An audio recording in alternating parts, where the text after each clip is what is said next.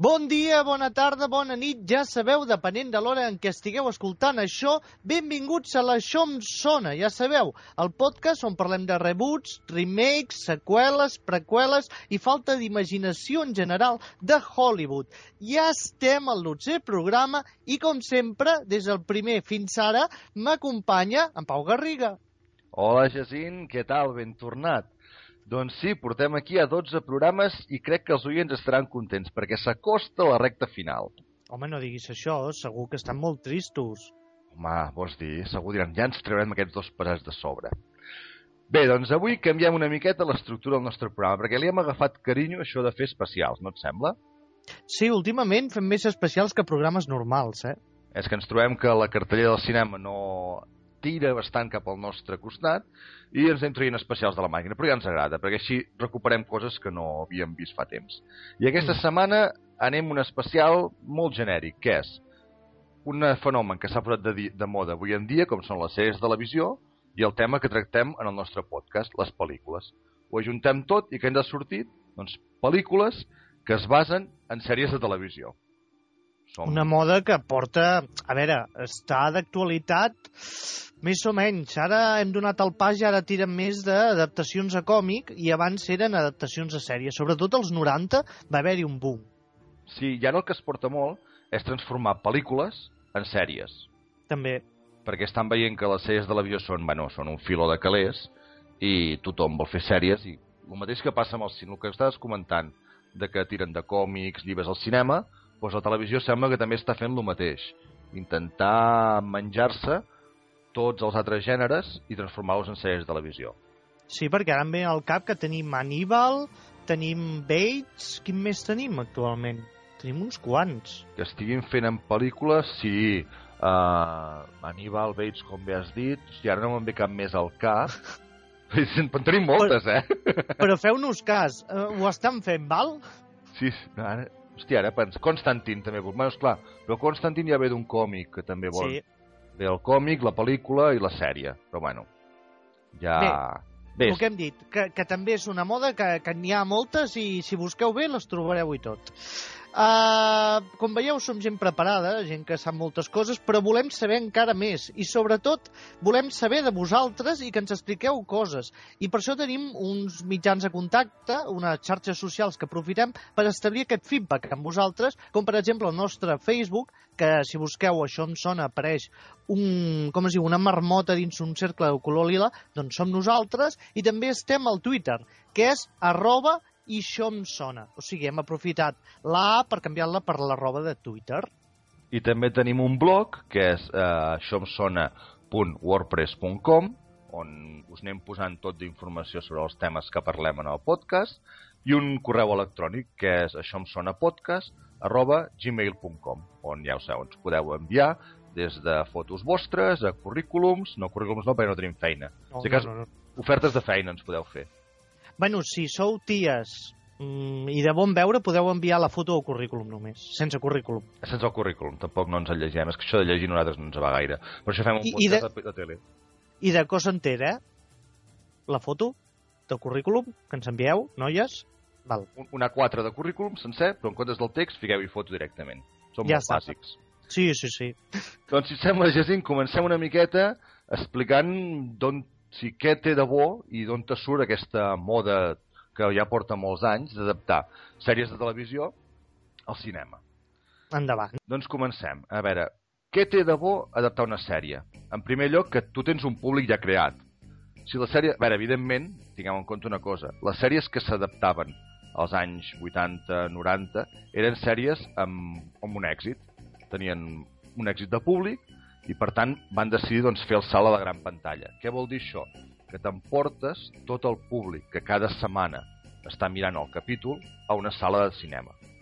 Mm. Això ja tens com a mínim una recaptació en taquilla feta. Sí, la campanya promocional la fas cada setmana perquè ja veus els capítols. Exacte, els fans simplement veuen que la seva sèrie, no sé, eh, que s'estigui fent en aquell moment, doncs farà el salt al cinema. I ja ho compten com gairebé un capítol llarg que ha a veure els personatges. A més a més, saps que és un, un gasto relativament baix, perquè tu ja tens els actors contractats, no has de perdre gairebé temps amb assajos o preparant el personatge, perquè ja mm, en alguns casos porten 2, 3, en altres 5, 10 anys fent el mateix paper, per tant ja se'l saben. Tens la majoria de decorats, segurament, la majoria de vestuari. L'equip tècnic, deixant de banda que són dos eh, sectors diferents, cinema i televisió, però la base ja el tens, també. Igual que tens els guionistes o el creador de la història com a mínim. De fet, només faltaria potser un guionista per adaptar-ho més de, de lo que és el televisió al cinema. Però la base ja la tens, per tant aconsegueixes un poca despesa i si tens sort un gran rendiment amb els beneficis del cinema. Què més tenim? Per exemple, aquest seria el cas d'adaptacions de televisió que, per dir-ho així, mantenen l'estructura. Com en Jacint després en parlarà una miqueta més, dividint diversos tipus d'adaptacions, però per exemple posar el cas Expediente X. Mm que tens tota l'estructura muntada, tens els actors i tot, i després simplement el que has de fer és fer un capítol d'una hora i mitja, dos de duració. Però quin altre benefici té, que això ho trobem més avui en dia, adaptar una sèrie al cinema? El efecte aquest de, mm, com en diríem, efecte remember o efecte nostàlgia, que és agafar una sèrie que el públic d'abans podia ser adolescent o una miqueta més petit fins i tot, però que l'anava veient i adaptar-la a la gran pantalla quan estan al voltant de la trentena o la quarantena, per exemple. Que podria ser ben bé el nostre cas. Adaptant... Ai. Sí, home, adaptant pel·lícules com, no sé, posem-hi uh, Mission Impossible, sèries... Ah. Sèries així, saps què t'ho vull dir? O sigui, canviant, sí, sí, sí. canviant els actors, però agafant el nom de la sèrie i la base. I dir, tenim una sèrie que es feia fa anys per televisió, s'ha tornat sèrie de culte, doncs avui en dia hi ha molt, molt de fanàtic de la sèrie. Doncs tenim un filó per passar-ho a la gran pantalla. Un exemple que també, aquest cas en parlaré jo més endavant, és el de Sombres Tenebroses. Sí. És una sèrie que es va convertir de culte i mm, fa, bueno, uh, Sombres Tenebroses, espera que t'ho miro del tot, però uh, és de l'any va acabar l'any 72 i la pel·lícula s'ha fet el 2012. O sigui, fa 40 anys del, camp, de la final de la sèrie a l'adaptació de la pel·lícula. Què fa? Intenta agafar aquest tipus de sèrie de culte i passar-lo a la gran pantalla amb més o menys fortuna. Això ja en parlarem quan toqui més endavant, quan me toqui. Sí, és una mica vendre la marca, no? Com que tothom té al cap aquell nom d'aquella sèrie i en guarda un grat record, doncs explotem el nom canviant-ho potser tot, però com que hi ha el nom, la gent colarà. Clar, això per exemple també va passar amb l'equip A, mm. és el mateix, és agafar el nom de la sèrie i val, té tot un públic a darrere que ja, quan era jove o ja de més gran, la mirava. Doncs, I no oblidem que en aquest moment Hollywood està bastant, bastant faltat d'idees. Per tant, s'agafa bueno, a tot el que pot per treure un rendiment. A vegades funciona, a vegades no, això ja ho veurem, però bàsicament mm, és una manera de buscar noves idees, o noves idees, sí, deixem-ho així, noves idees de pel·lícules. A més, que va bé perquè guanyes dos tipus de públic, el públic més remember o nostàlgic, i guanyes el nou públic que fas la campanya promocional i tot això, veu una cosa xula, a sobre veu que els seus pares o els seus companys més grans en tenen un record i es pregunten hòstia, què és això? Vaig a descobrir-ho. I en canvi els altres van a mirar la pel·lícula per descobrir què han canviat i per què ho han canviat. I aquí radica un dels problemes que solen tenir aquestes adaptacions de, de sèries de televisió al cinema les més noves, cap problema, perquè són el que comentàvem, un capítol llarg, una continuació del que ja estàs veient a televisió. El problema en adaptar una sèrie clàssica és que o fas content el públic nou o fas content el públic clàssic. És molt difícil intentar unir els dos públics, perquè no, no ens enganyem, o sigui, les sèries o l'estil que es feia als 70-80 no és el mateix estil de sèries o de televisió que es fa ara. Per tant, estem acostumats a uns ritmes, a uns tempos diferents. Bé, qui s'ha convertit un especialista en això és en J.J. Abrams.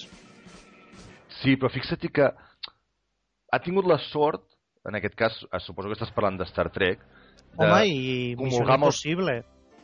Sí, però esclar, uh, pensa Missió Impossible ha perdut gairebé tota l'essència del que era abans. Bueno. Són bones pel·lis, home, s'han tornat pel·lis d'acció ara, bàsicament.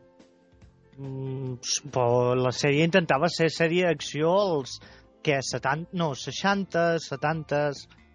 Però jo crec que, per exemple, si sembla més a la primera Missió Impossible, la d'en Mm. De Palma, que manté més la l'essència del que era al principi, una sèrie d'espies amb acció, on el que primava principalment era la trama.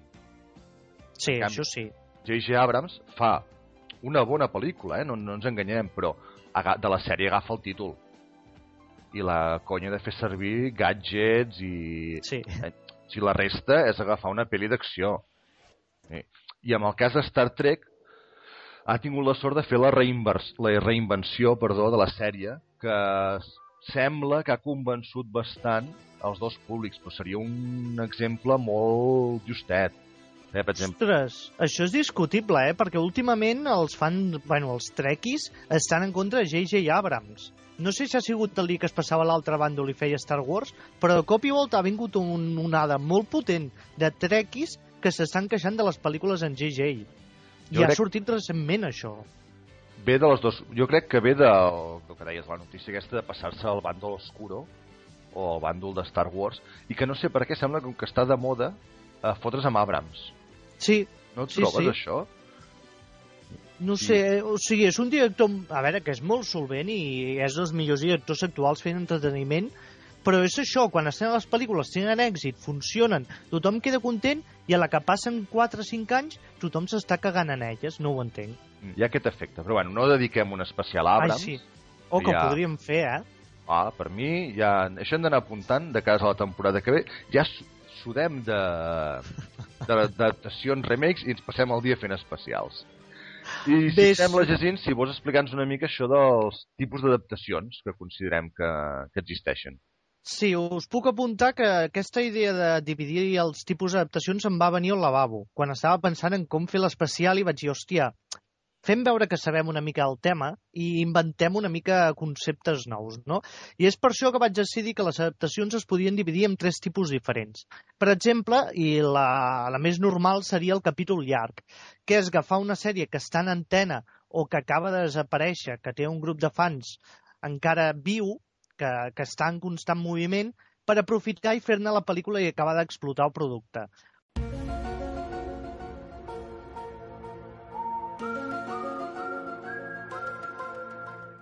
Un parell d'exemples clars serien Expediente X, que van fer la pel·lícula, em sembla que era al final de la tercera o quarta temporada, que enganxava amb la següent, i Sexo en Nova York, que després d'acabar la sèrie van treure la pel·lícula i un parell d'anys després van treure una segona pel·lícula. Mm. Com dic, és aprofitar els mateixos actors, el mateix equip que hi havia darrere i portar-ho tot a la gran pantalla però sense tocar gaires coses. Els arguments tampoc són per tirar coets, és més que res aprofitar la, dinam la dinàmica de la sèrie per portar-ho a més exteriors, no ens enganyem. Després hi ha l'adaptació cínica, que potser per mi és la preferida, que és agafar una sèrie de fa anys i encardar-te'n.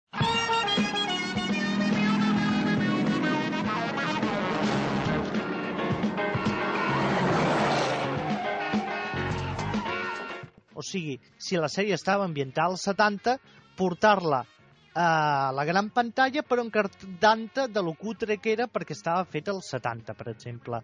Un exemple seria la Tébolos Brady, que feia que la família vivia l'actualitat però encara conservar les maneres dels 70, o Starkey Hatch, que eren Ben Stiller i en Wilson, Mm.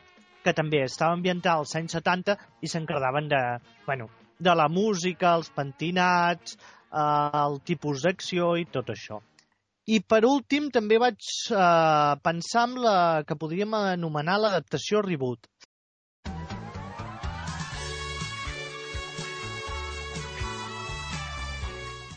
que és agafar això una mica la marca, el títol de la sèrie, i portar-ho a la gran pantalla amb actors diferents i ambientat a l'actualitat. Aquesta sol ser l'adaptació mm, que més hem vist recentment, que és com per exemple Los Angeles de Charlie o Missió Impossible, que són actors de Hollywood ja consagrats que adapten una sèrie del passat i la porten a l'actualitat i li fan un rentat de cara. Normalment, què vol dir? Més acció, com ja s'ha apuntat abans en Missió Impossible. Mm. Una cosa, potser haureu notat que en- tant en la meva presentació com en la, a la definició que ha fet en Jacint dels tres tipus d'adaptacions, hem passat olímpicament d'un dels sectors que més adaptacions es fa, que és el dels dibuixos animats. O sèries Sí. d'anime o, o còmics. Bueno, no, passem a televisió. Sèries de televisió de dibuixos animats o d'anime. És perquè vam decidir acotar una miqueta el tema. Recordes quan parlàvem de fer aquest especial? Mm -hmm. que vam dir que hi havia hi ha molta sèrie de... A més a més, que és donat per molt. Només posem l'exemple de He-Man, amb Masters Sí. de l'Universo, que és donat per molt. I com que donava per tant, vam decidir que ens ho guardàvem a la recàmera i que potser ho utilitzaríem per un altre programa. Que és Home, és que pensem que hi ha productes tan estúpids com Garfield, els barrufets...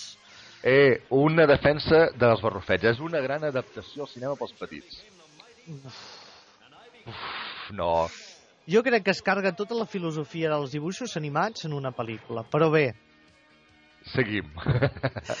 un dia més Sí. endavant els tractarem, tots aquests. sí, sí, ja farem un especial i, i hi haurà pallissa, crec. Uh, si vols, comencem a parlar una mica de coses més personals que seria per nosaltres uh, bones i males adaptacions. Començarem per les bones adaptacions i cadascun parlarà de tres. Jo, per exemple, he escollit tres pel·lícules, la primera no tan discutible, les altres dos sí, que això, estan basades en sèrie de televisió i quasi totes, pel que veig, són dels anys 70.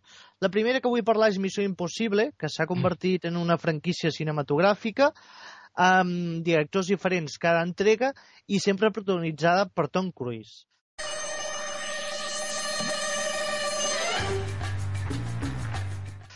Ah, la sèrie... Ai, la pel·lícula, la primera, em sembla que és el 92, si no recordo malament, que tenia a Brian De Palma, una adaptació que, com tu dius, era potser molt més fidel a la sèrie, era molta intriga, girs argumentals impossibles, petites dosis d'acció...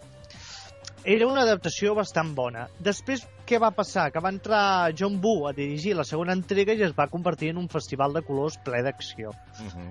Aquesta va ser més discutida, sobretot pel canvi de pentinat de Tom Cruise, que va passar a portar el cabell militar a mitja melena. Home, el fet de que no s'aguantés d'argument fos una tonteria d'acció i que no... O sigui, saltés completament de gènere i tingués diàlegs estúpids, no va tenir res a veure, i suposo. No, no, no, no. Ah. No, no, no. Lo important era el pentinat. Va, va. Ah, i això, i aixecar en vertical una pistola d'un banc de sorra a la platja. Sí. Que jo ho he provat que i sempre se me'n va cap endavant, no ho entenc. Hi havia molta flipada en aquella pel·lícula, això és innegable. I recordem que per culpa d'aquesta pel·lícula, Lobezno no va ser Dougray Scott. Ah, sí? No ho sabia, això. Sí, Missió Impossible, eh, com que es va allargar el rodatge d'aquesta segona entrega, Dougray Scott tenia que interpretar l'Obezno X-Men. Mm. Però com que li van fer rodar més escenes un cop finalitzat el rodatge, es va perdre l'oportunitat d'interpretar el paper i va anar a caure a Hugh Jackman. Eh, bé que li va anar en Jackman. Sí, i pobre Dougray Scott ha passat a la misèria per culpa d'aquesta pel·lícula. Deixem-ho. La que volia comentar que per mi és un pel·lículon i que per mi va ser incompresa en general.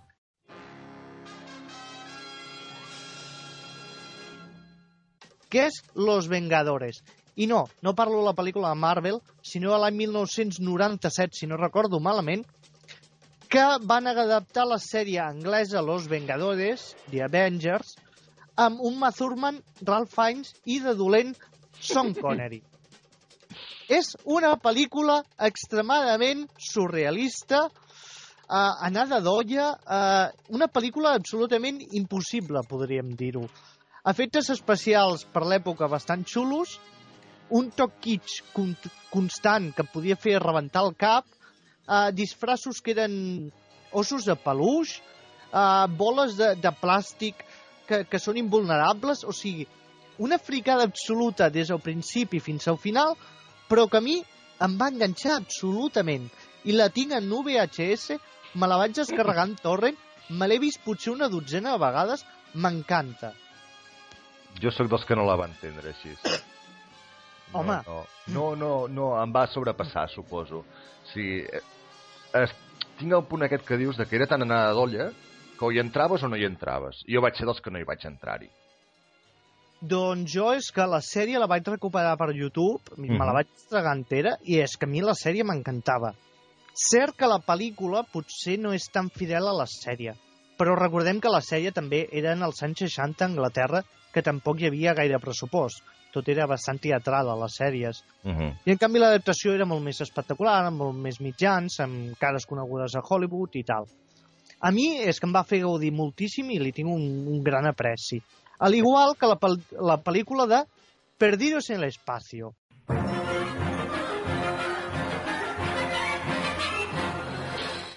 No sé per què la vaig veure al cine i és que em va fascinar aquesta pel·lícula que admeto que és una xorrada. Ho admeto, però és que uh, en el seu moment em va semblar genial perquè era una mica... tenia el toc J.J. Abrams, perquè era ciència-ficció amb viatges temporals, tenia el toc Star Trek però amb més acció, tenia els actors del moment de Hollywood treballant-hi, com Mimi Rogers, en Hart, uh, amb... com es diu l'actor aquell de, de Friends? En Matthew... No, Matthew En- no. No, sí, en Matthew LeBlanc, sí. Ah, sí, Matthew LeBlanc, tenia Heather Graham, o sigui, Gary Oldman fent de dolent, tenia un robot gegant, tenia un Gary Oldman mitat aranya, mitat Gary Oldman, mm, tenia els moviments de càmera que després va aprofitar Matrix, que era allò de congelar la imatge i donar voltes al voltant. O sigui, una fricada absoluta que va aconseguir desbancar Titanic que Estats Units a la pel·lícula més vista, després d'acumular mesos sent número 1 a, a, a taquilla. O sigui, una fricada A més. Tenia una banda sonora que van fer això, van reciclar el tema, els Apollo 440, i van fer una eh, cançó impressionant. O sigui, un deliri també molt pop, molt kitsch, però que a mi em va encantar i em va fascinar i és una d'aquelles pel·lícules que també tinc en VHS, me l'he descarregat en torrent, l'he vist mil vegades i m'entreté de cabo a rabo. I un apunt, totes les actrius que surten a la pel·lícula han aparegut en altres pel·lícules ensenyant els pits. Doncs bé, una cosa bona que vam tenir amb en Jacint a l'hora de preparar aquest especial és que no vam coincidir amb cap de les pel·lícules, em sembla. Perquè no diré que les que consideri ell bones jo les considero dolentes, ni molt menys, però sí que estem en desacord amb algunes. Però a l'hora de repartir-nos què ens agradava més a cada un, mm, no vam tenir conflicte dir, hòstia, aquesta també la vull fer jo ni res, perquè vam tentar pel·lis diferents. Jo començo fort, que és una que crec que se'n menjaran bastant. Una bona adaptació a cinema que a mi em va agradar i defenso és El Equipo A. In 1972, a crack commando unit was sent to prison by a military court for a crime they didn't commit. These men promptly escaped from a maximum security stockade to the Los Angeles underground. Today, still wanted by the government. que no sé per què tothom la va trobar una tonteria com una casa jo m'ho vaig passar teta. Jo estic amb tu.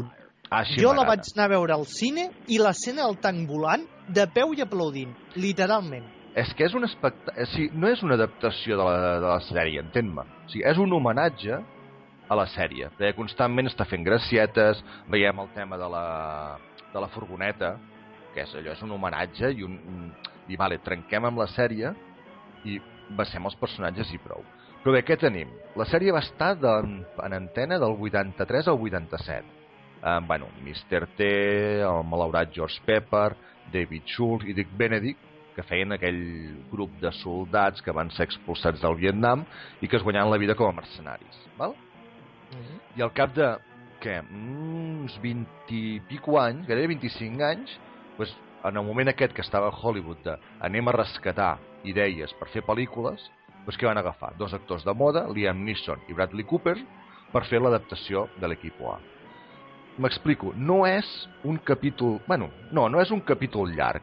No és seguir amb la sèrie. És agafar els personatges, aquest to humor una mica irreverent, passat de voltes, perquè no ens enganyem, la sèrie l'equip A la mires ara, i aguantar-se no és que s'aguanti gaire, perquè tot és molt exagerat. I la pel·lícula fa el mateix.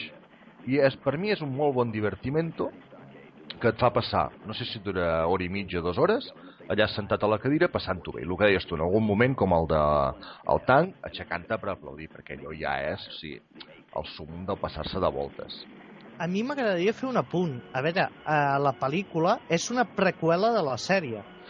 Sí, això té molt... Sí, això ho vaig estar-ho mirant i pas que m'acosta... Eh... O sigui, explica, per exemple, com en l'M.A. Barracus té por a volar, però en canvi es carreguen la furgoneta d'en Barracus, que sortia a la sèrie. Sí, temporalment sí que vindria a ser una, una, una preqüela, per dir-ho així. I que només com a punt, dir que en Benedict i les Cools, és a dir, el que feien de, de Fènix, i ah, ara no me'n recordo, en Murdoch, perdó, Mm. tenen un petit cameo al final, que no sé si et vas quedar a veure-ho. Ah, sí, sí, és que em sembla que l'únic que no apareix és en Mr. T. I en Pepper perquè es va morir. Bueno, clar. També ho té això. No, Mr. T diu que es va negar a aparèixer, que deia que perdia tot l'esperit de la sèrie i que ell no volia participar-hi. I aquells dos, a més a més, van quedar bastant emprenyats perquè és que el seu cameo és eh, res, o sigui, gires per mirar les crispetes i ja no els has vist. Ja. Però bé, només era un petit apunt. Després tirem com a adap bona adaptació, ja veuràs que he fet un, un lligam entre bona adaptació i adaptació dolenta, he, he escollit Star Trek The Movie, The Motion Picture, perdó.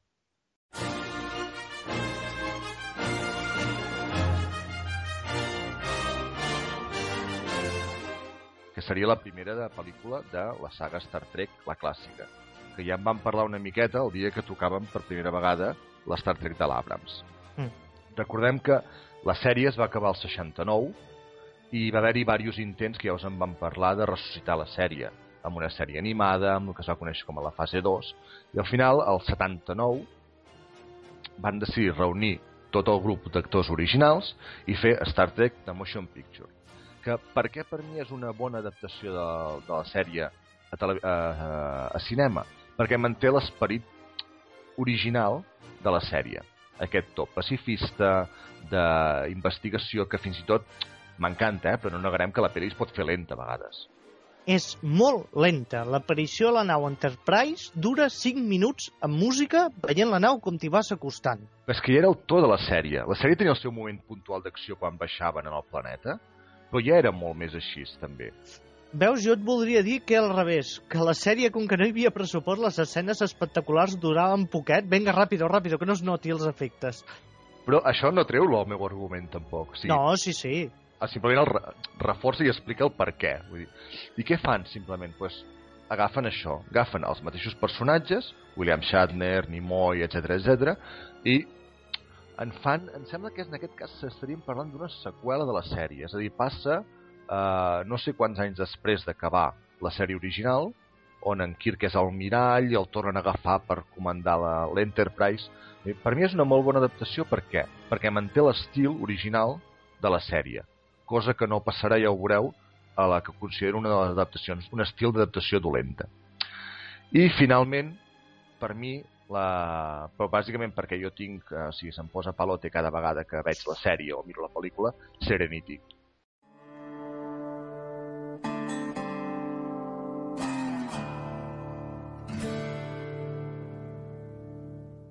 És una sèrie d'en Joss Whedon que barreja eh, futurista amb western, mm, còmic, una mica de tot. Per mi aconsegueix uns personatges molt carismàtics, com seria, bueno, en Nathan Fillion és el protagonista, Sula Summerglau. No sé per què tot el que Sula Summerglau acaba patant, però és agradable de veure mentre dura.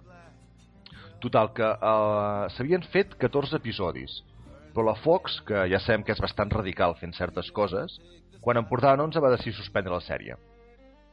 Uh, com que va aconseguir un gran volum de fans i o sigui, Joss Whedon una cosa que aconsegueix és tenir un, fer grups de fanàtics de les seves sèries bastant forts com pot passar amb, amb Buffy o així i van començar a protestar per la cancel·lació cosa que van aconseguir que l'any 2005 és a dir, dos anys després de que acabés la sèrie s'estrenés Serenity que no deixa de ser una bona manera de, sub, eh, de subsanar o arreglar una cancel·lació.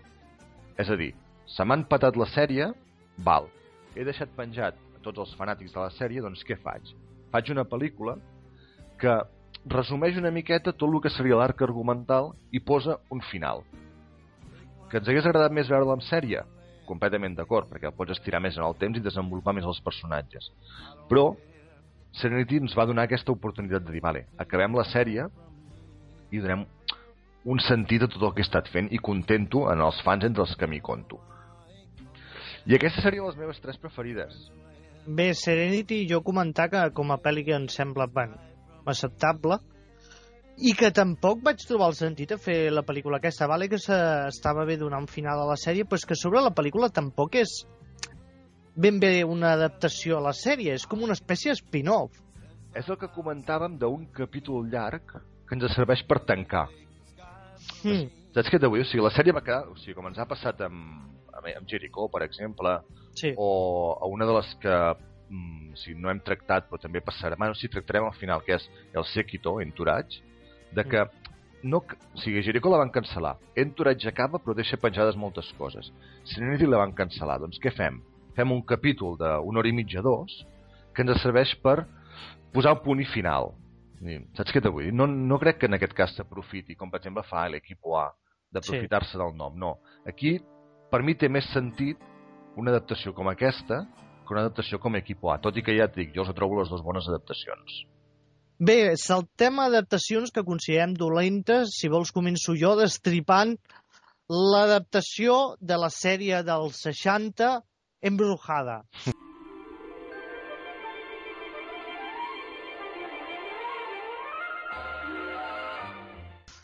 O sigui, uh, malament, Embrujada tothom la recorda més que res per una cosa, perquè la seva protagonista movia el nas. Uh -huh. I qui agafes per interpretar un personatge que ha de moure el nas? Nicole Kidman, la persona que té la cara més estirada i amb més botox al món, que no pot moure el nas. Tens que fer-ho efectes especials. És molt trist. No. A més, Sí. el personatge del seu marit a sobre l'interpreta Will Ferrell, que no té res a veure amb l'actor que, interpret... bueno, que interpretava aquell personatge a la sèrie. O sigui, un et deixa amb un humor bastant descol·locat i l'altre humor blanc, familiar, típic i tòpic.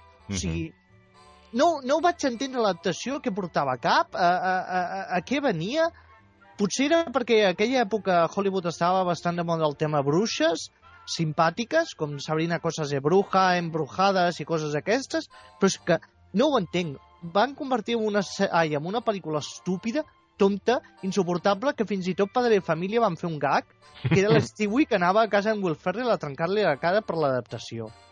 Després, uh, tot i que és una de les sèries meves preferides, per no dir la més preferida de totes, és Expediente X, que la primera pel·lícula era bastant acceptable, i d'això ben bé un episodi allargat, Uh i en canvi, anys després, com que els fans d'Expediente X volien més pel·lícules i crear una espècie de franquícia cinematogràfica com a Star Trek, David Duchovny, Gillian Anderson i Chris Carter es van tornar a juntar per fer una pel·li d'Expediente X que és Creer és la clave.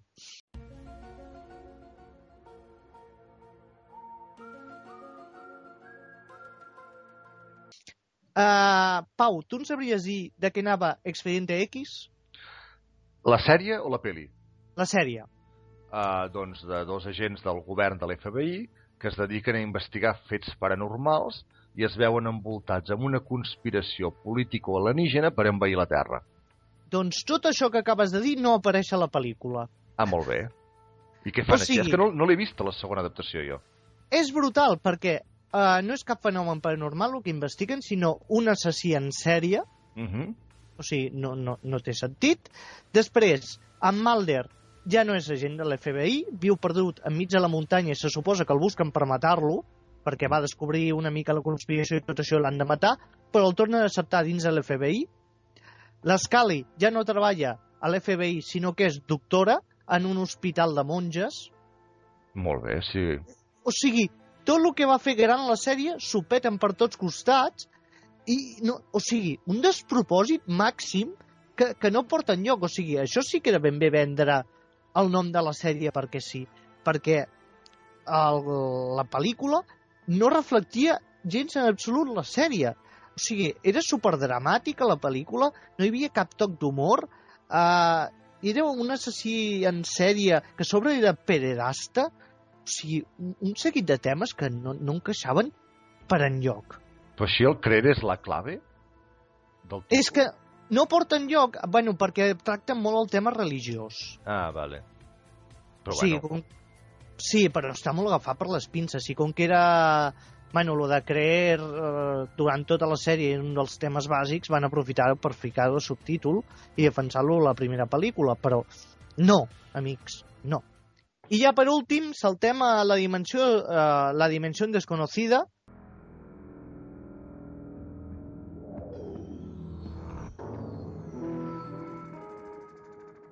que és la mítica sèrie d'en Rod Serling, dels 60, una sèrie mítica, emblemàtica, on van tenir els millors eh, guionistes al moment, els millors directors al moment i els millors actors al moment, i en fan una adaptació perquè Steven Spielberg en guardava bon record i va decidir fer-la. Va comprar els drets i va dir, em faig una pel·lícula.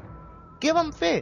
Van adaptar històries que ja havien vist a la sèrie a la gran pantalla. Van dividir la pel·lícula en quatre històries diferents, més una història que era el fil conductor, amb grans directors al moment que era Joe Dante, John Landis, el mateix Spielberg i tot això, però amb històries que ja havíem vist, amb històries mega sensibleres, perquè eren finals dels 80, principis dels 90, i Spielberg era conegut per això, amb actors que tampoc cridaven gaire l'atenció i que la veritat no portaven res de bo, el misteri no era per enlloc i quasi tot eren tocs de fantasia amb, a, a, és que ni amb comèdia, amb humor molt facilón, molt tendre. O sigui, no anava dirigint ni a la gent que li agradava la sèrie antiga ni al públic d'aquell moment que no entenia què anava la cosa. Una adaptació que vaig trobar totalment innecessària i que va ser un dels altres capritxos de Steven Spielberg, quan també va comprar els drets a Los Picapiedra per fer-ne una pel·lícula en imatge real. o sigui, Spielberg, ja sabeu, va destrossar tot el que li agradava petit, ho va portar a la gran pantalla i ho va destrossar. Doncs mira, lligat amb això, aprofito per enllaçar amb les meves tres considerades unes males adaptacions que no fan gens de justícia a el que seria la sèrie, que és un exemple molt similar. Tenim Sombres Tenebroses,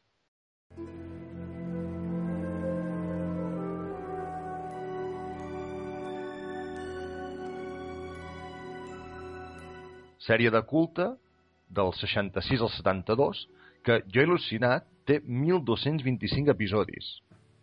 És que és la sèrie de ciència-ficció amb més episodis... Bueno, la segona, perdona. Només superada per una que es diu Passions, que no sé si et sona d'alguna cosa o no. No, però comentar que, és clar no es tracta ben bé d'una sèrie, sinó d'un culebron. Clar, eren episodis diaris, cosa que això ja fa que augmenti bastant. Ens estem acostumant molt a episodis setmanals, però abans es portava molt el tema d'episodis diaris i Passions, vaig mirar que no fos Passions of Gavilans, però vaig veure que no, no era el mateix. Gràcies a Déu. Exacte. Total, què va passar? Aquí tu tenies el Spielberg, però jo tinc en Tim Burton, que Vaja. li passava el mateix. O sigui, és fan de la sèrie i el 2012 decideix que, com que ja pot fer el que li surti dels ous, perquè rellisca bastant tot, adaptar la sèrie a la gran pantalla. I fa el que fa Tim Burton sempre. O sigui, agafa en Johnny Depp i agafa l'Helena Bonham Carter i diu, anem a fer una pel·lícula. I com que ja els porta maquillats de casa i els porta integrats en el paper, o sigui, jo l'Helena Bonham Carter em sembla que des de Sweeney tot o així és que no s'ha desmaquillat. No, no, diu, ja ho aprofito.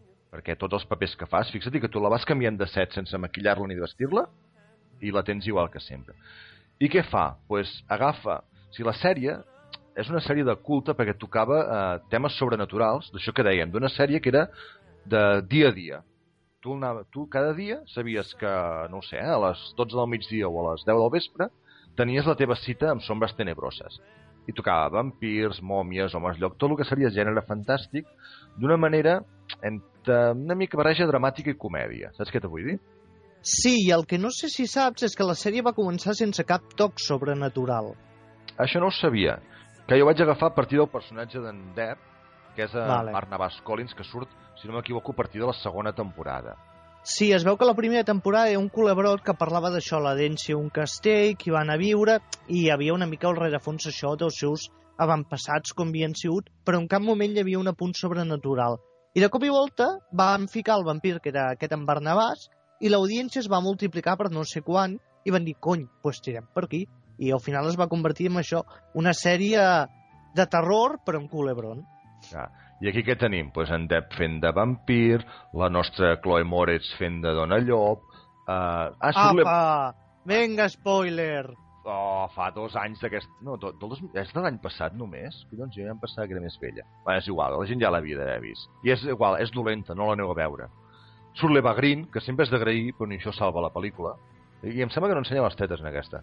No, no ensenya les tetes i a més és un personatge que se suposa que és el fin conductor i a mitja pel·lícula desapareix. Sí, és que jo el problema que vaig tenir amb Tenebroses és que no estava segur si mirava una comèdia, perquè no em feia gràcia, mirava una pel·li de por, perquè no em feia por, o mirava un drama, perquè me, me la sudava bastant. És a dir, no, no... va costar ubicar-la, i crec que si la sèrie, que per cert no he vist, per tant només m'he documentat una miqueta, s'ha convertit en sèrie de culte, dubto molt que aquesta adaptació d'en Barton li faci gens de justícia. I, a més a més va ser un fracàs a taquilla, eh, que sempre s'ha de tenir en compte. Sí. I bé, després, eh, lligant amb el que deia abans, si us en recordeu, que us he comentat que Star Trek The Motion Picture era una bona adaptació, per mi, comença les males adaptacions de Star Trek amb, per exemple, Missió Salvar la Tierra.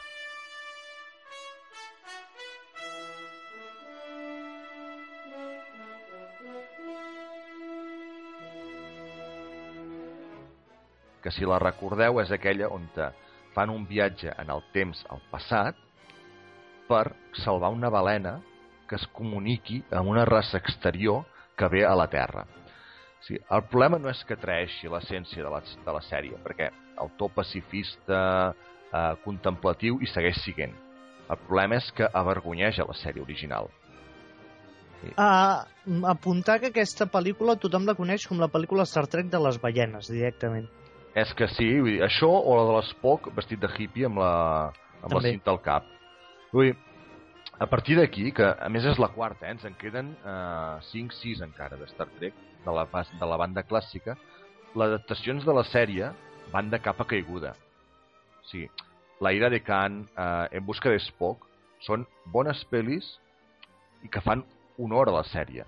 Missió en salvar la Tierra es torna tot una tonteria tan i tan grossa eh, l'Spock intentant encaixar amb, amb els anys 80 vestit amb aquella que va amb una bata blanca tota la, tota la sèrie gairebé fent un tanc al dipòsit de l'Star Trek per, ai, de l'Star Trek, de l'Enterprise per portar una balena. No, no, no, no compta. I el que, jo el que al·lucino són les notes que li posen. A IMDB té més d'un 7 És que als fans de Star Trek li encanta aquesta pel·lícula. Però és una tonteria com una casa. Ara potser se'n menjaran els fans de l'equip A per dir que l'altra era bona i els fans de Star Trek per dir que aquesta és dolenta. Total, que faig emprenyar tothom. Això és el que... Que, que hi hagi debat. Però no, però, Però- per mi és una mala adaptació, bàsicament per això, perquè avergonyeix a la sèrie. És que també m'agradaria comentar que les, als 80 va ser l'època de les franquícies. Sota les pel·lícules s'allargava moltíssim i anàvem fent continuacions. I sempre, totes les franquícies, hi havia...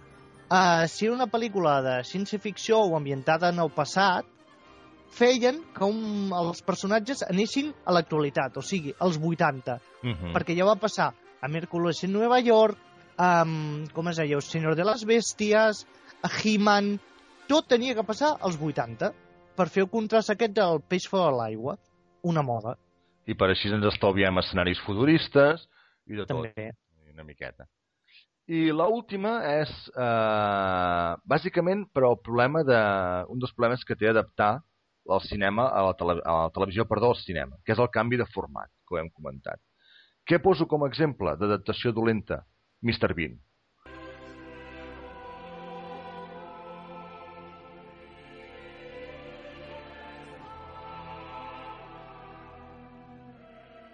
Mr. Bean són uns gags que fan gràcia, no ens enganyem, el primer cop que els veus, després ja en fa menys, vale? de gags curts. Val? O sigui, estem parlant de què? 5-10 minuts de gag, potser com a molt, amb un tio que fa moltes mueques, Rowan Sí. Atkinson, que no parla gairebé i que gesticula moltíssim. Això té gràcia 10 minuts. Què passa? Que després, eh, al cap de, no sé si van ser 2-3 anys d'acabar la sèrie, Atkinson necessitava calés i va dir, doncs farem una pel·lícula d'en Bean. I va fer 20, lo último en cine catastrófico. 85 minuts de fer el mateix que feien 10. I senyors, cansa. Sí, I portat a Amèrica. sí però això crec que és més pel fet d'internacionalitzar la pel·lícula. Ja, però és que els actors americans fent de secundaris són molt dolents. Com a Anglaterra els secundaris són boníssims sempre, en comèdia. Mm. A Amèrica els secundaris a les pel·lícules, en comèdia, són patètics. Sí, sí, sí. I el... és que Aquí teníem de secundari, espera, Peter McNichol... En Bizcochito, Ah, sí, és veritat. Ara el miràvem la foto. que és horrorós, és un actor horrorós. Bueno, fa el mateix paper, si no m'equivoco, que feia Mally McBeal. Sí, és... I que feia Los cazafantasmes. De tio insuportable. Hòstia, és veritat, que sortia als cazafantasmes. Sí, sí, sí, a la segona, que era el pitjor de la pel·lícula. Ah, ja veig que hi ha en Bart Reynolds, també. Hi ha, hi ha gent que no sap on caurà mort, eh, ben bé. Bé, total, que per què és una mala adaptació? Primer perquè és això, o sigui, tu no pots passar un gag de 10 minuts, estirar-lo 85. I un cop veus que això no funciona, no facis una segona part, que és més de lo mateix, com va passar amb les vacacions de Mr. Bean. Per mi no funciona. O sigui, una cosa és un gag de televisió que pot anar molt bé, i l'altra cosa és intentar traslladar-ho al cinema. Que potser és el mateix que comentaves tu amb Garfield, per exemple. Com a tira còmica funciona molt bé, però allargar-la una, una pel·lícula eh, perd totalment la gràcia del personatge. A veure, jo crec que de Mr. Bean va ser que van voler explotar el personatge i van fer la pel·lícula, però jo crec que fins a cert punt amb força pressa i amb conceptes molt nord-americans a l'hora d'adaptar-ho. Perquè hi ha pel·lícules que són mudes, que són gags llargs, com per exemple se m'acut aquell El Botones de Jerry Lewis, o les, uh, com es diu, el personatge aquell francès, en Tati, en Tati, sí, Mm -hmm. que són pel·lícules mudes, de comèdia, llargues, però que funcionen perfectament. Aquí, per mi, el problema era que uh, per mi van escriure la pel·lícula segurament uh, guionistes americans. Però el problema, jo no em queixo de que sigui model, el problema és que em queixo que Bean, el concepte Bean, de Mr. Bean, és un concepte de uh, intento deixar el cotxe, aparco, i xafo el cotxe de darrere. Això ho pots aguantar 10 minuts, un quart d'hora com a molt. Però amb el guió de la pel·lícula, o això ho allarguen hora i mitja. Mm, I Mm. estic segur que fent-ho a guionistes anglesos, americans o qui fos, no, no dona per més. El, el propi concepte de la sèrie no dona per més. no sé, jo crec que sí, eh, que es podria haver realitzat una bona adaptació. Fixa't, fixa't que després, no sé quants anys després, eh, el mateix Rowan Atkinson va fer Johnny English, Sí, que no fotem, és una paròdia de James Bond, però agafant el personatge de Mr. Bean. sí. I tampoc funciona com a pel·lícula. O sigui, perquè està basat en el mateix. Gags curts, lligats entre si, però sense, sense sentit. Vull dir, no, no donen per una pel·lícula. Hòstia, però, des, però després Ace Ventura bé que funciona amb gags curts. Però Ace Ventura, fixa't que té la, la gràcia de que és la pel·lícula en si. O sigui, Ace Ventura és una pel·lícula. Per mi, John Sí. English i Mr. Bean són gags ficats un darrere l'altre per tal de lligar, fer una pel·lícula. Ace Ventura Vale. té una pel·li sencera amb gags a dintre. Ah. M'entens la petita diferència? Sí, o sigui, que un, eh, com per exemple Ace Ventura, van pensar un argument i després un personatge que, que ho tirés tot per terra i en canvi amb Mr. Bean van pensar el personatge i després li van pensar una trama. Exacte, o sigui, que, hòstia, tinc aquest gag, va, busquem una manera de lligar-lo amb el gag anterior. Mm. I això no fun funciona si ho fas en gags sueltos, com passava amb la sèrie. TV3 passaven, jo què sé, 3 hores de Mr. Bean cada dissabte i et feien gràcia, els anaves veient. Però per Sí. què? Perquè no tenien cap mena de lligam.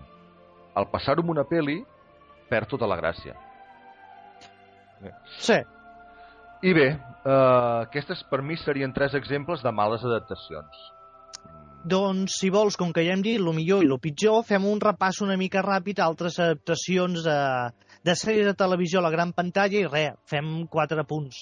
Si vols començo jo amb, per exemple, El Santo, mhm. que és l'adaptació primer van ser llibres, després una sèrie protagonitzada per Roger Moore abans de ser James Bond, i després Val Kilmer, gelós de que Tom Cruise tingués una franquícia al cine que era Missió Impossible, va decidir adaptar El Santo.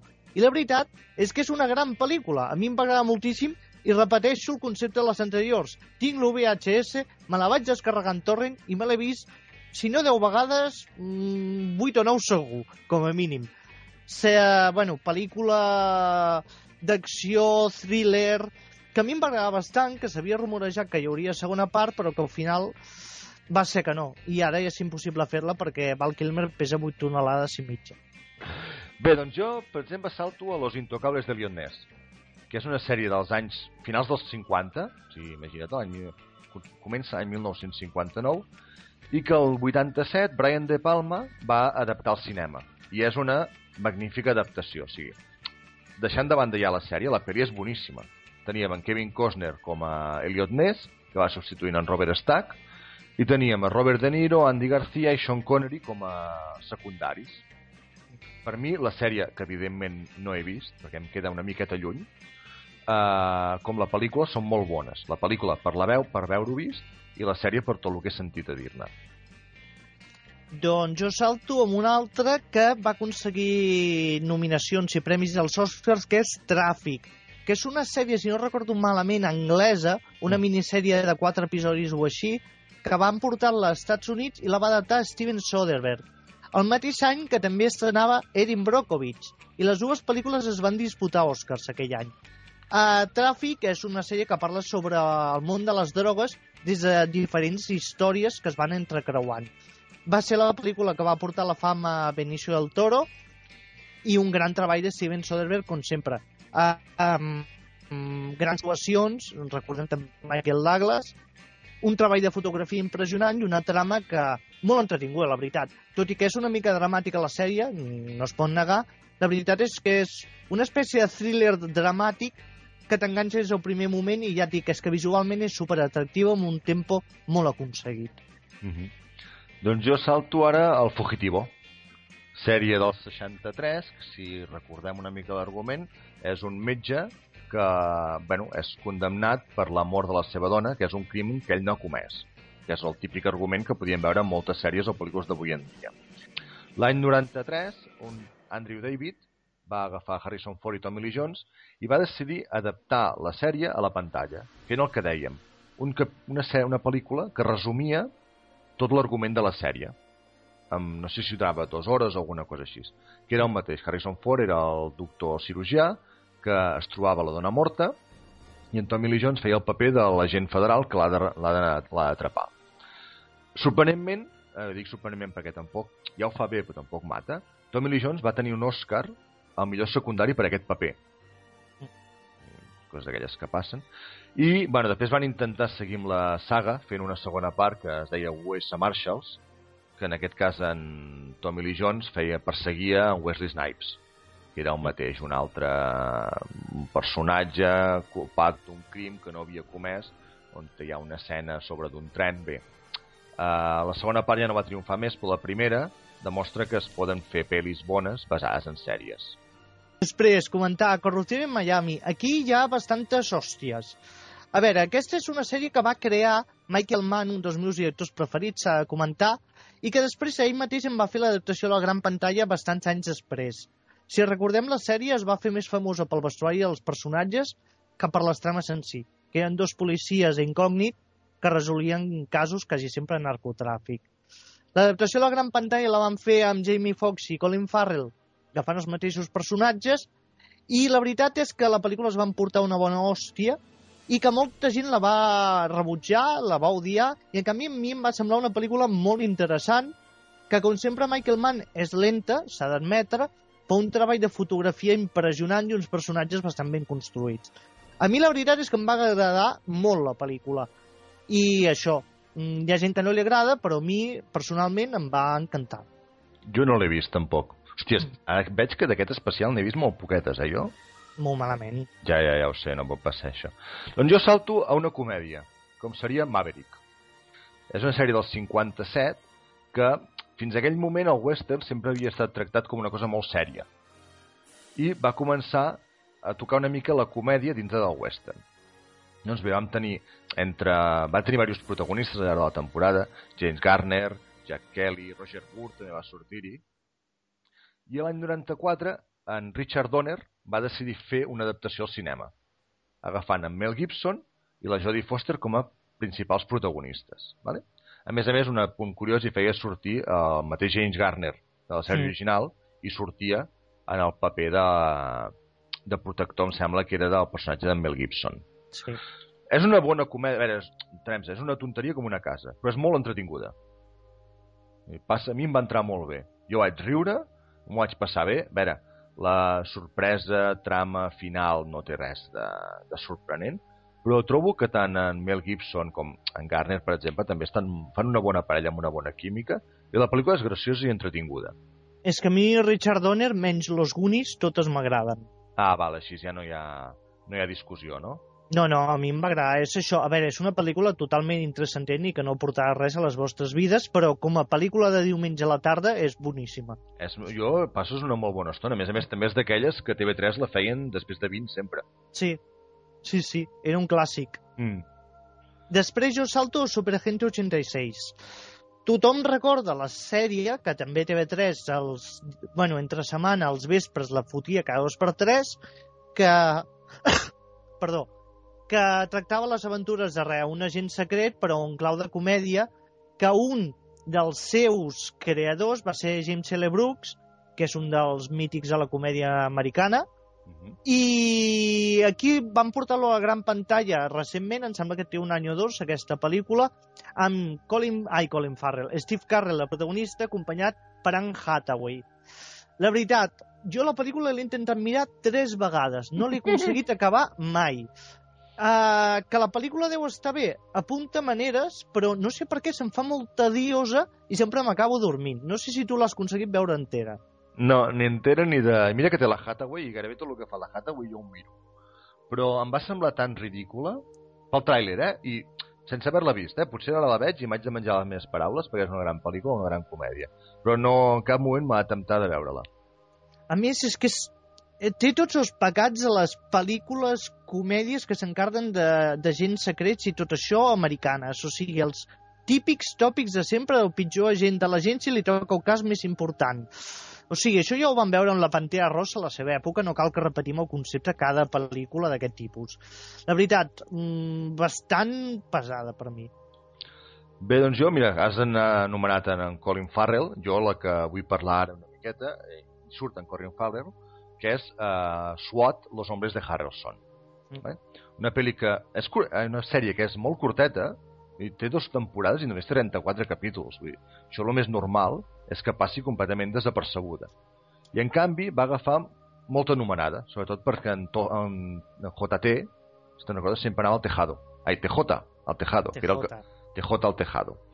Bé, total, que... Una coseta superràpida. A Estats Units la sèrie era una sèrie normal i corrent que tenia el seu grup de, de fanàtics.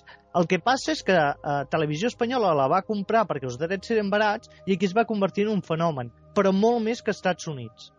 Sí, i als Estats Units el que han fet ha sigut agafar el que vam dir. O sigui, fer la pel·lícula, agafar el títol. Mm. És d'aquesta, o sigui, és de l'any 2003, i és allò, o sigui, anem a buscar en l'armari què tenim que podem explotar en cinema.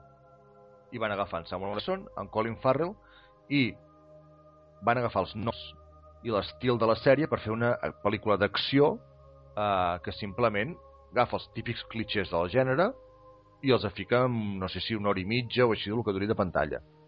I no, no té més. Dintre de tot, és entretinguda. No mata, però és entretinguda. La sèrie que dius, per cert, als Estats Units es va cancel·lar. Per Veus? això, per això només té... Aquest, el que passa que em sorprèn perquè es va cancel·lar per uh, lo violenta que era, per dir-ho així. I no, no. Em van emetre capítols per TV3 no fa bastants anys i la veritat és que, bueno, era bastant patètica la sèrie en si, però bé. és que cada capítol era el mateix, exactament el mateix. Un tio que se trinxerava a una casa i venien aquests, ja està. Eh, CSI porta 14 anys així, eh? Sí, és veritat. Bueno, sí, els espectadors solen ser bastant tontos. Però per sèries tontes va ser als 70 quan va aparèixer una sèrie que aquí no, no va arribar, que era Dos xalados i muchas curvas. Allà tenia Dukes of Hazzard, si no recordo malament, Sí. que era una excusa per parlar del sud dels Estats Units amb els redners, o sigui, aquests tios que es passen el dia al porxo a casa seva amb una escopeta beguent cervesa, i era una excusa per ensenyar cotxes fotent trompos. La sèrie va tenir molt d'èxit, es va convertir en una sèrie molt estimada als Estats Units i molts anys després van decidir adaptar-la a- en pel·lícula amb Sean William Scott de protagonista, ties amb shorts i camises descordades ensenyant tetes i cuixa Mm i molts de cotxes. La veritat, té argument la cosa? No, però la pel·lícula entra molt bé, perquè són cotxes i tetes, cotxes i tetes i tios beguent cervesa dient tonteries. Tots els espectadors masculins heterosexuals la gaudiran. La resta de la població no crec que la disfrutin gens. Doncs de Rossa a Rossa jo me'n vaig a The Mot Squad, o com es va conèixer aquí, Patrulla Juvenil, la sèrie, i l'Esquadrón Oculto, la pel·lícula. Mm. És una sèrie dels anys finals dels 60, principis dels 70, que més fa molta gràcia perquè intenta ser aquella políticament correcta de, de gènere i de, de racialitat, diguéssim, perquè agafa la noia rossa, el tio guapo blanc i el negre amb el pentinat afro com a protagonistes. Vale? I de què tractava? Són tres, podríem dir, delinqüents juvenils que la policia els fa servir com a agents especials en missions. O sigui, molt a l'estil el que seria gairebé Los Ángeles de Charlie. I 21 Jump Street. La sèrie va durar 5 anys i va, va tenir cinc temporades, evidentment. I què van fer? Doncs cap a l'any 90 i escaig, el, sí, el 99, perdona, quan la Claire Dance encara estava bona, van decidir adaptar-la a televisió. Que jo no he vist la sèrie, però si és igual de dolenta que la peli, no entenc com va triomfar. Perquè l'has vist a la peli, és molt dolenta. La peli la tinc en VHS, m'he ja. baixat el torrent mil vegades i m'encanta, perquè ja és un thriller senzill, no. estúpid, que passa molt bé, i això de nanos adolescents rebels que són agents a cop i volta, a mi de petit ja em fascinava i de gran encara em fascina. Vull ser petit per infiltrar-me en jocs.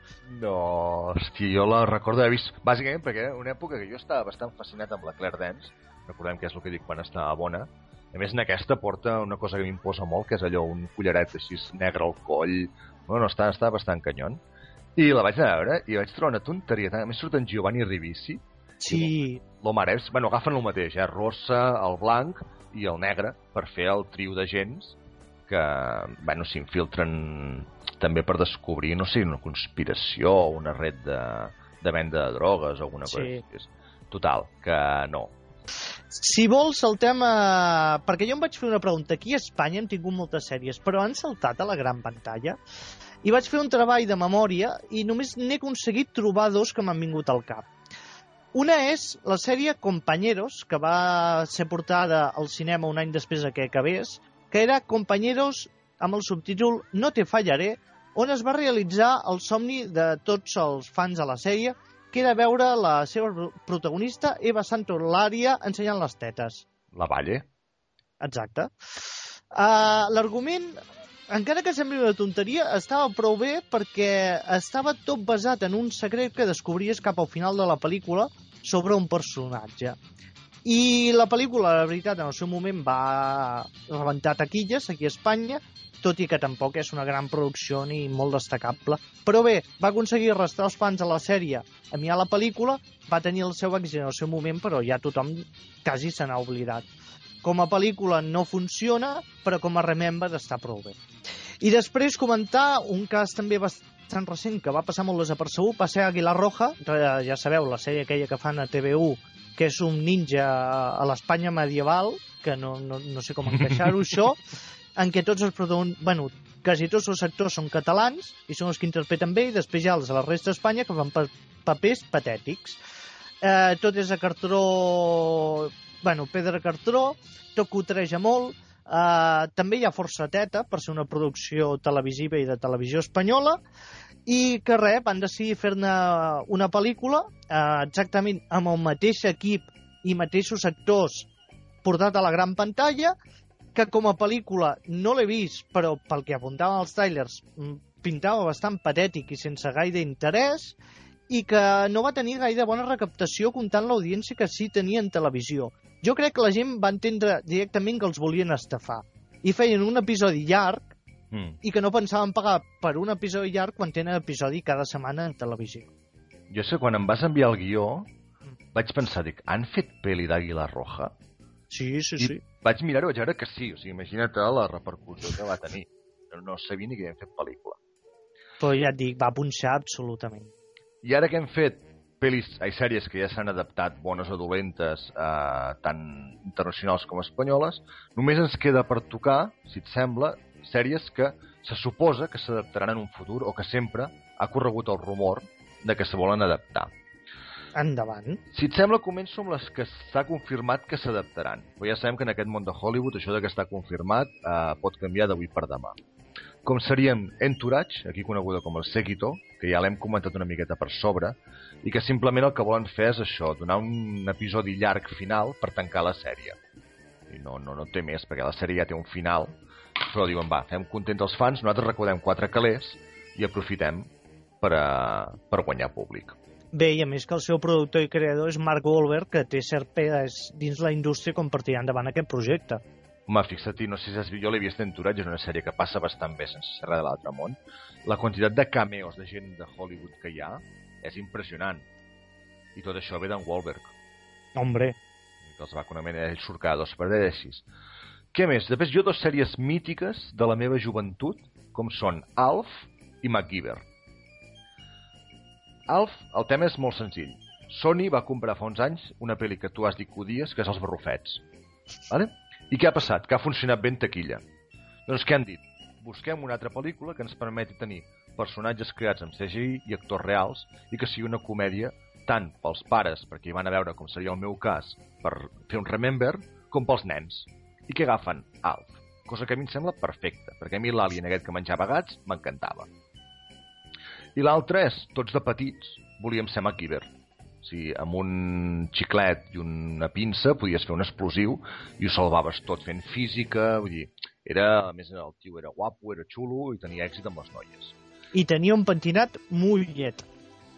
Bueno, home, així a l'època aquest seten... ai, vuitantero... De... No, sí, sí, a la seva època es portava el mullet, als 80 era típic, però, hòstia, ara... Uf, Home, no crec que Richard Dean Anderson estigui amb, amb capacitat per fer MacGyver ara, eh? no, Eh. no li veig. Crec que ha sofert el mateix procés que Val Kilmer. Ha crescut... Home, de... Home sí, no, l'has vist últimament? Sí, però tampoc tan exagerat com Val Kilmer. Bueno, què vols que et digui, eh? Jo mirant les últimes Stargate, jo creia que no passava per la porta. Ho veia del tot clar. Total, que a més a més una cosa que crec que t'encantarà a tu és que saps qui es rumoreja que pot dirigir-la? Qui? James Wan. Oh, doncs veus, compro. Es- Estan en negociacions perquè James Wan sigui el director de l'adaptació de MacGyver. Que, mm. bueno, mm, dona credibilitat. Vull dir, jo no acabo de veure com avui en dia un estil MacGyver pot funcionar, però tot s'haurà de veure. Donem un vot de confiança a James Wan. Aquests serien els que més possibilitats tenen de veure la pantalla, que ja s'han confirmat bastant. L'altre són rumors que sempre corren i que per algun motiu o un altre no es faran mai, com serien Friends, que sempre, des va la sèrie, ah, farem una pel·lícula per acabar, o farem una pel·lícula per reunir els protagonistes, o farem no sé què, i al final no fan res, tothom va per la seva banda, i els propis actors han sigut els primers a desmentir de que existeixi una pel·lícula de Friends. Que raro, perquè tots s'estan morint de gana, menys Jennifer Aniston. Però mm, desenganyem-nos, Friends, mm, dubto que mai la veiem. Un altre estil que sempre s'havia rumorejat molt era Los Vigilantes de la Playa, que jo crec que triomfaria. I no fotem, ni una hora i mitja de ties en biquini corrent per càmera lenta per la platja, com a mínim el públic masculí el tens assegurat. Jo et dic que si agafen Megan Fox i Scarlett Johansson, funciona. Ah, faltaria més. I tu els tens allà, que no, reconeixem, o sigui, l'argument de la sèrie era això. I cada capítol, no sé si durava 30 minuts, dels quals 20 hi havia una tia corrent a càmera lenta per la, per la platja. La les cançons al moment, càmera lenta i tetes bamboleantes. Era el concepte. Ja està. I, uh, bé, doncs, si Los Vigilantes de la Playa ja queda bastant clar que segurament tampoc la veurem mai, i no crec que, que tirin endavant, n'hi ha dos que havien estat molt a punt de saltar la gran pantalla, però al final els seus productors van decidir fer un pas enrere i convertir-los en sèrie de televisió. Que en aquest cas, m'explico, serien 24 i el Cotxe Fantàstico. Val? 24 va acabar i van dir que per tancar el personatge d'en Bauer farien una pel·lícula a la pantalla, a la gran pantalla. Sempre anava corrent el rumor, anava dient que sí, que la farien, i al final què han decidit fer? Doncs en comptes de fer una pel·lícula d'hora i mitja que tindrà la seva recaptació, però segurament quedarà curta, han decidit fer una minissèrie de 12 episodis on en Jack Bauer, diguéssim, suposem que acabarà de tancar la seva història. Eh, Aquí fer un apunt, perquè resulta que la Fox sí que volia fer la pel·lícula, però abans estrenava Jungla de Cristal, la... quina entrega era? La 4, em sembla, no? Sí, pot ser la 4. La 4 era la Rússia? No, la cinquena. Ah, no, la la Rússia era la cinquena, la dolenta. La cinquena, que era la que anava a Europa, i és que a 24, la pel·lícula, volien portar també el personatge aquí d'en Kiefer Sutherland a Europa. I com Mm. que van veure que se'n van portar una hòstia, la de la jungla de cristal als Estats Units, van dir, pues no s'adapta la sèrie 24 i van decidir això, tirar per la sèrie. cosa que jo no crec que... Bueno, tinc ganes de veure-la perquè m'encanta la sèrie, però si una gràcia té 24, són 24 capítols, un capítol per hora. Però això s'ho peten a la nova sèrie. Per això, per això són 12 capítols. No sé És com- que... Sigui, la gràcia de tenir la, la immediatesa o la continuïtat 24. Tu representava que el que veies allà era el temps que corria. Fer una sèrie crec que la cagaran bastant amb 12 capítols, però bueno, ja ho veurem. I l'altre és el Cotxe Fantàstico, mítica sèrie dels 80, que també durant, molt de temps va córrer el rumor de que adaptarien al cinema, i després en van fer una versió on, bueno, era una tonteria com una casa, amb el cotxe que... Bueno, adaptaven el cotxe al temps modern, feien servir, no sé si un Mustang, un cotxe d'aquests americans grossos, uh, que, bueno, era aquell cotxe menys... Bueno, volar també ho podia fer, em sembla, però la sèrie no s'aguantava per enlloc. Va durar una temporada, la van cancel·lar i si la sèrie no va funcionar, dubto molt que mai puguem veure el cotxe fantàstic a la gran pantalla. I n'apunto una més d'aquest tipus de sèries que també s'ha rumorejat molt i que hasta tenia actor protagonista, que era George Clooney fent de Magnum. Però això, que- bueno, jo, imagina't un cloning bigoti fent de magnum. Jo ho veig, eh? En camisa florejada, ensenyant a nedar ties en biquini. Saps que, Jo ho ah, veig. saps a qui s'assemblaria molt? El seu paper a los hombres que s'usaven a les cabres. Sí, sí. Seria un estil d'aquest paper que fan en aquesta grandíssima pel·lícula que jo m'ho vaig passar teta. Sí, seria una cosa així. Oh, Jo la sèrie, bueno, la pel·lícula, si la fessin amb ell, jo segurament compraria, eh? A veure, no ens enganyem. De totes aquestes que he dit, facin la que facin, l'aniran a veure. Sí, perquè són frics. Exacte, vull dir, si fessin Magnum també l'aniríem a veure i si en fessin 50 més de les que hem mamat de quan érem petits també les anirem a veure. Nosaltres som d'aquests que la qualitat ens importa després per criticar-la, no en el moment d'anar-la a veure. Exacte, nosaltres paguem. Agafeu els calés i deixeu-nos d'una merda i que en puguem menjar a cullerades. Doncs bé, ja hauríem d'anar acabant, Jacint, que em sembla que aquesta setmana ens hem allargat bastant. Sí, avui durem com una pel·lícula, quasi, em sembla. Mm. Bé, doncs, per anar acabant, res, com veieu, les adaptacions a, de sèries a pel·lícules mm, solen dependre molt de qui les porti a cap. Tant pot ser que punxin com que siguin bastant bones, interessants i fins i tot crear franquícies, i n'hi ha que realment no funcionen gens. Però el que sí funciona és un tàndem de tres persones que han fet una trilogia anglesa que l'anomena la trilogia El Cornetto i que són Edward Wright, uh, Nick Frost i qui és l'altre? En Simon, Simon Pegg, Peck. que bé, han fet tres comèdies, cadascuna tocant un gènere emblemàtic dels 80, portat a l'actualitat i amb humor anglès. Estem parlant de Zombies Party, estem parlant d'Arma Fatal i estem parlant de... L'última, com es va dir aquí a Espanya? És que encara no s'ha estrenat, s'estrena la- d'aquí dues setmanes quan fem el programa. Vale, bienvenidos al fin del mundo, una cosa així. Sí, deu ser així, no? Perquè és de Wall's End. Sí, sí, sí, i aquí el Bienvenido sempre queda bé. O sigui, comèdia anglesa en vena de tots tres títols força bons, menys el primer, per mi, però que la veritat ens agrada bastant aquesta trilogia i dedicarem tot un programa a parlar-ne. Les tres pel·lícules, que, com bé has dit, toquen temes diferents amb un mateix estil, la comèdia, i que discutirem bastant, sobretot pel que veig per la primera, que per mi és molt bona, i res, us farem això, vull dir, la trilogia del Corneto explicada des del nostre punt de vista. O sigui que agafeu-vos fort que hi haurà hòstia, segurament. Bé, doncs ens despedim fins d'aquí 15 dies. Recordeu posar-vos en contacte amb nosaltres per dir-nos el que sigui via Facebook, Twitter, correu o els comentaris al blog. I res més, Jacint. Parlem d'aquí 15 dies en el proper podcast. Sí, amb una tassa de té al davant i al costat un bon corneto. Oh, contrast de fred i calent. Adéu a tots! Que maco. Que vagi bé. Adéu.